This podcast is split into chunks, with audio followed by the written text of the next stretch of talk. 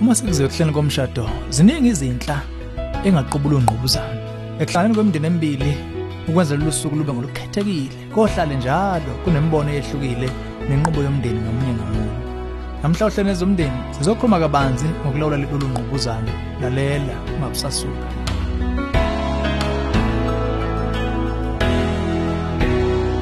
kwayintokozo uba ngibingelele. Ezomndeni uhlelo kulethele izeluleko eziphathekayo ngaba ka-focus on the family.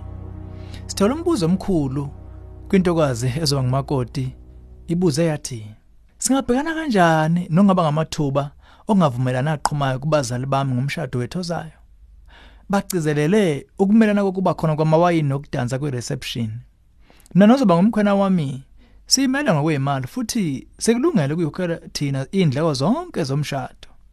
Nokho lokho kungelungise le nkinga njengoba wami sicacisele ukuthi ngeke beze bona emshadweni wethu uma kuney'phuzo ey'hlohlozayo nemidanso eqinisweni lezo zinto azikho mqoka kithi.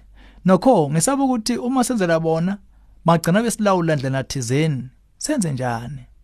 Okokuqala odinga ukubona ukuthi isimo sakho akusisisimo esisha.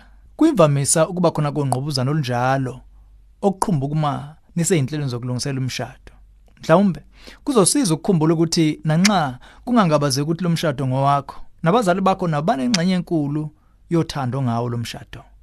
Imvamisa umshado nomembeso kuba yinhlelo okuhamba phambili abazali bakamakoti ngokuhlanganisa uhlelo. Nokho kumile ukuthi lo onguye ophethe imali kulomshado elakhe igama liyagcina. Imvamisa.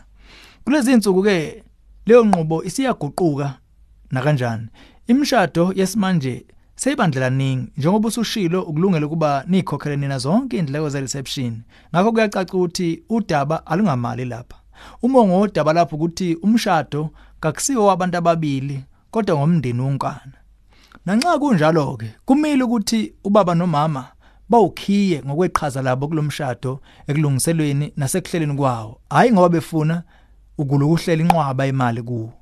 Ukuthi kuyathandeka kuba ulalele uma abazali bakho benembono kumbe uma bemelene nezinye ingxenye zezinhlelo zakho qaphela ukuthi sithe ulalele. Akuphoqe kuba wenze konke abakushoyo. Phela ngithi vele usumdala futhi umshado ngowakho. Okwesibili imndeni ephilile ihlala ivule ithuba lokuba xoxe ngokunempilo ngokuthembeka ungavumelani ukubonisana nokunxenxana. Uma uma wakhe engamnandi ngobukhona bejiki kube beyihlohlozayo unelungelo elifanele ukusho njalo. Kodwa asikho izathu sokuthi ukuxoxa sekuphelele lapho. Wena nozoshada naye nabazali bakho nidinga ukuhlala phansi nixoxe lokhu ngeso lokusombulula lokhu kunqobuzana bese nithola indlela zokuba munye. Uma uma wakhe ekhombisa ekutheni akaguquki kusona kwenzeka ukuthi inkinga akusikho ukudansa newayini sanhlobo. Kodwa udaba ubumqondo wokunilawula. Nguye kosesimeni sokwazi kangcono ukuthi ikuphi okuyikhona khona. Uma ucabanga lokho kanye nebalo right ekucabangeleni ekuzimeleni kokushoyo. Ngobumnene mazisa uma wakho ukuthi kakusiyedwa onenhliziyo yothando lwalomshado mazisa ukuthi uyalangazela abe khona emshadweni nokho mnikeze imvume yokuba abe sekhaya uma kuyilokho akhetha ukwenza. Engixweni yonke veza inhlonipho ngayo yonke indlela. Nanti ke iphuze lemqoka ngenkathi kunomuzwa ukuthi umshado wenu usezandleni zabazali umshado qobo imarriage emva kwedili lomshado okuyiyo ozolandela impilo yonke ngowenu nobabili phaqa. Yingakho kusemqoka ukudweba imingcele ecacile kuseyimanje phambi kokuba kuboshwe ifindo. Nomama wakho angazi abe nomqondo ukuthi kuyilungelo lakhe ukuphatha umshado marriage wenu impilo yonke. Uma ufuna ukuba nobudlelwano obuhlabela phambili nozoba umkhwena wakho udinga ukuhlonipha umyalelo weBhayibheli wokushiya nokunamathela.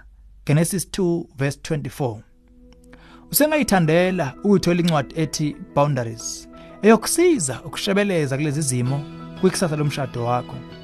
Ngena ku safamily.co.za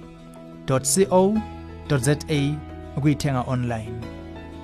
Lolu hlelo ezomndeni ulethulelwe yifocus on the family sihlangabezwa ohlelweni oluzayo